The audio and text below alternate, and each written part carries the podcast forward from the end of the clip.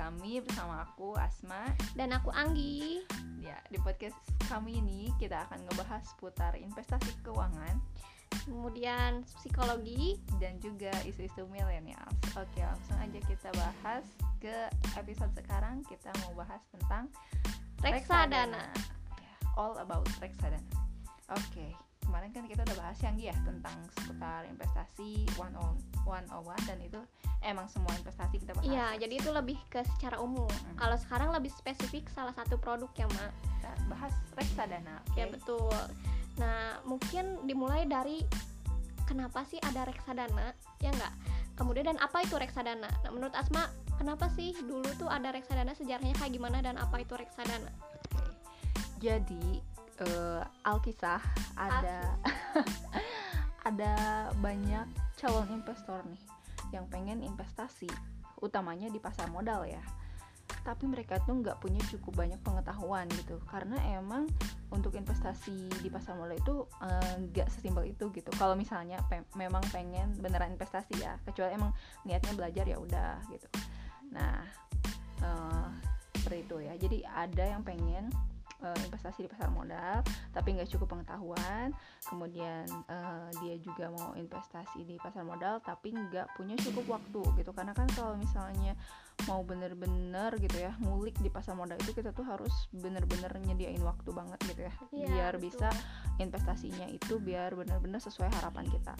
Kemudian yang ketiga dia itu nggak punya cukup banyak uang. Karena kalau dulu itu investasi di pasar modal itu harus lumayan dalam jumlah yang besar lah pokoknya yang eh, gak gampang dicapai oleh orang-orang pada saat itu. Iya. akhirnya lahirlah suatu produk yang kita sebut dengan Tadang! reksadana. Ya akhirnya muncullah si reksadana ini gitu.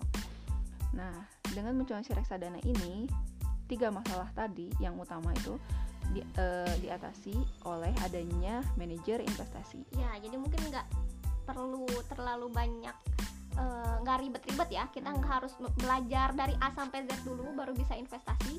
Karena mungkin semuanya udah ada solusinya ya. Siapa itu yang harus mengelola reksadana? manajer investasi Ya, betul. Itu adalah nama lembaganya ya yang Hmm. dikasih otoritas nih untuk eh, ngelola. mengelola dana dari para investor oleh ot- eh, otoritas jasa keuangan atau OJK ya Jadi kalau sesimpelnya kayak gimana nih, Mak? Reksadana Jadi, itu apa? Bikin sim- simple nih. simpelnya bikin gini deh. Ngerti. reksadana itu wadah investasi Ya. yang dikelola oleh manajem manajer investasi Ya, jadi simpelnya gitu deh Jadi- pokoknya kita tuh investasi tapi kita nggak langsung eh, ngatur uang kita sendiri gitu. Iya, jadi mungkin kalau teman-teman investasi langsung nih bingung. Ini kalau mau untung kayaknya gimana ya? Meminimalisir resiko harus ke produk yang mana ya? Nah, itu semua tuh udah langsung diatur dengan manajer investasi. Jadi istilahnya kita tinggal tutup mata, nggak tutup mata juga sih. Maksudnya percayakan semuanya kepada manajer investasi gitu Iya. kan. kepada maha manajer Manajer. gak aja banget ya gitulah pokoknya eh, kamu percaya aja sama manajer investasi gitu Nah, terus? Kira-kira keuntungan dari investasi di reksadana itu apa sih Nah. dibanding produk investasi lain? Ini aku mau share juga nih karena eh, reksadana ini jadi apa investasi pertama aku. Guys investasi pertama aku Wih. di reksadana kenapa? Karena dia itu pertama simpel mak. Eh, aku buka rekening eh, investasi itu cuman satu hari dan dia itu nggak harus keluar rumah cukup dari handphone aja jadi simpel Bisa dari HP ya Ya betul, bisa dari gadget teman-teman masing-masing. Nah yang kedua itu dia nggak harus punya uang banyak membuat mulai. Cukup dengan 10.000 aja kita udah bisa investasi di reksadana. Terus yang ketiga itu tadi karena reksadana itu dikelola oleh manajer investasi, otomatis aku nggak perlu ribet-ribet nih buat belajar apa sih itu eh, ditempatin di mana gitu yang yang kira-kira menguntungkan karena semua itu udah dikelola oleh manajer investasi gitu. Itu sih salah satu keuntungan dari reksadana. Terus Kemudian- kalau kita bandingin sama ini misalnya kan kayak reksadana kan eh, returnnya rendah, kemudian eh, risikonya juga rendah dong. Nah itu kan ada yang kira-kira kayak mirip-mirip sebanding gitu. Nah deposito. Nah kira-kira kalau misalnya dibandingin nih reksadana sama deposito keuntungannya? Lebih untung yang mana gitu ya? Nah. Gini. Kalau reksadana emang sih ya reksadana untuk beberapa orang ini ter, ter apa ya? Tergantung dari orang itu sendiri. Ada yang bilang bahwa reksadana itu e, mungkin keuntungannya kecil tapi tergantung jenis reksadananya juga gitu. Tapi kalau misalnya teman-teman membandingkan dengan deposito reksadana itu cenderung returnnya lebih besar daripada deposito. Yang pertama uh, itu ya salah satu itu juga jadi salah satu keunggulan karena returnnya lebih besar dari deposito. Kemudian kalau di deposito kalau teman-teman mengamati dia itu ada jangka waktunya. Dan kalau misalnya kita mencairkan dana yang kita udah simpan itu di deposito sebelum waktunya kita malah da, malah kena penalti nah kalau di reksadana kapan pun kita butuh justru bisa langsung dikeluarkan eh, gitu dicairkan si dananya itu gitu. Kemudian dia juga nggak kena objek pajak yang dia ya betul. Dia bukan objek kena objek pajak enggak jadi. Bukan objek pajak bukan objek. tapi uh, tetap harus dilaporkan bahwa kita uh, beli reksadana. Nah kemudian tadi ya uh, keuntungannya itu bergantung sama jenis reksadananya itu sendiri. Nah jenis-jenisnya ada apa aja nih? Nah itu sebenarnya ada empat kalau misalnya dari jenis reksadananya sendiri ada reksadana yang uh, apa low risk itu RDPU reksadana uh, pasar uang. Kemudian yang kedua itu reksadana obligasi atau pendapatan tetap. Yang itu yang pertengahan yang dia. Ya betul, yang jangka waktunya untuk investasi menengah. Kemudian yang ketiga itu uh, apa reksadana saham dan yang keempat reksadana campuran. Nah kalau selain itu selain dari jenis-jenis yang tadi ada juga reksadana yang konvensional dan syariah. Kemudian ada juga reksadana indeks. Nah, itu juga punya ciri khas tersendiri nih. Kalau misalnya teman-teman bisa sih kalau misalnya lebih terperinci bisa googling ya karena sekarang udah banyak sih source mengenai informasi itu gitu. Terus uh, oh ya yang tadi tentang jenis reksadana udah ya. Nah sekarang gimana sih cara untuk mulai? Dengan investasinya tuh caranya gimana? Coba mak. Gimana sih caranya ya untuk mulai investasi reksadana ya yang tadi Anggi udah sebutin hmm, secara online ya. Tapi apakah emang cuman secara online aja bisanya? Ternyata enggak loh. Ada tiga pilihan alternatif kalau misalnya teman-teman mau investasi di reksadana.